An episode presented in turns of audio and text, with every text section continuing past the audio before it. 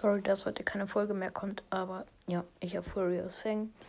Ähm, ich habe die Folge eigentlich dazu aufgenommen, ähm, aber die hat irgendwie keinen Plan, aber man hat meine Stimme nicht gehört und das bringt halt nichts. Und ja, deshalb habe ich jetzt nur noch diese Folge und da seht ihr halt Screenshot von Furious Fang. Ähm, ja. Eine gute Nacht, sage ich nur noch.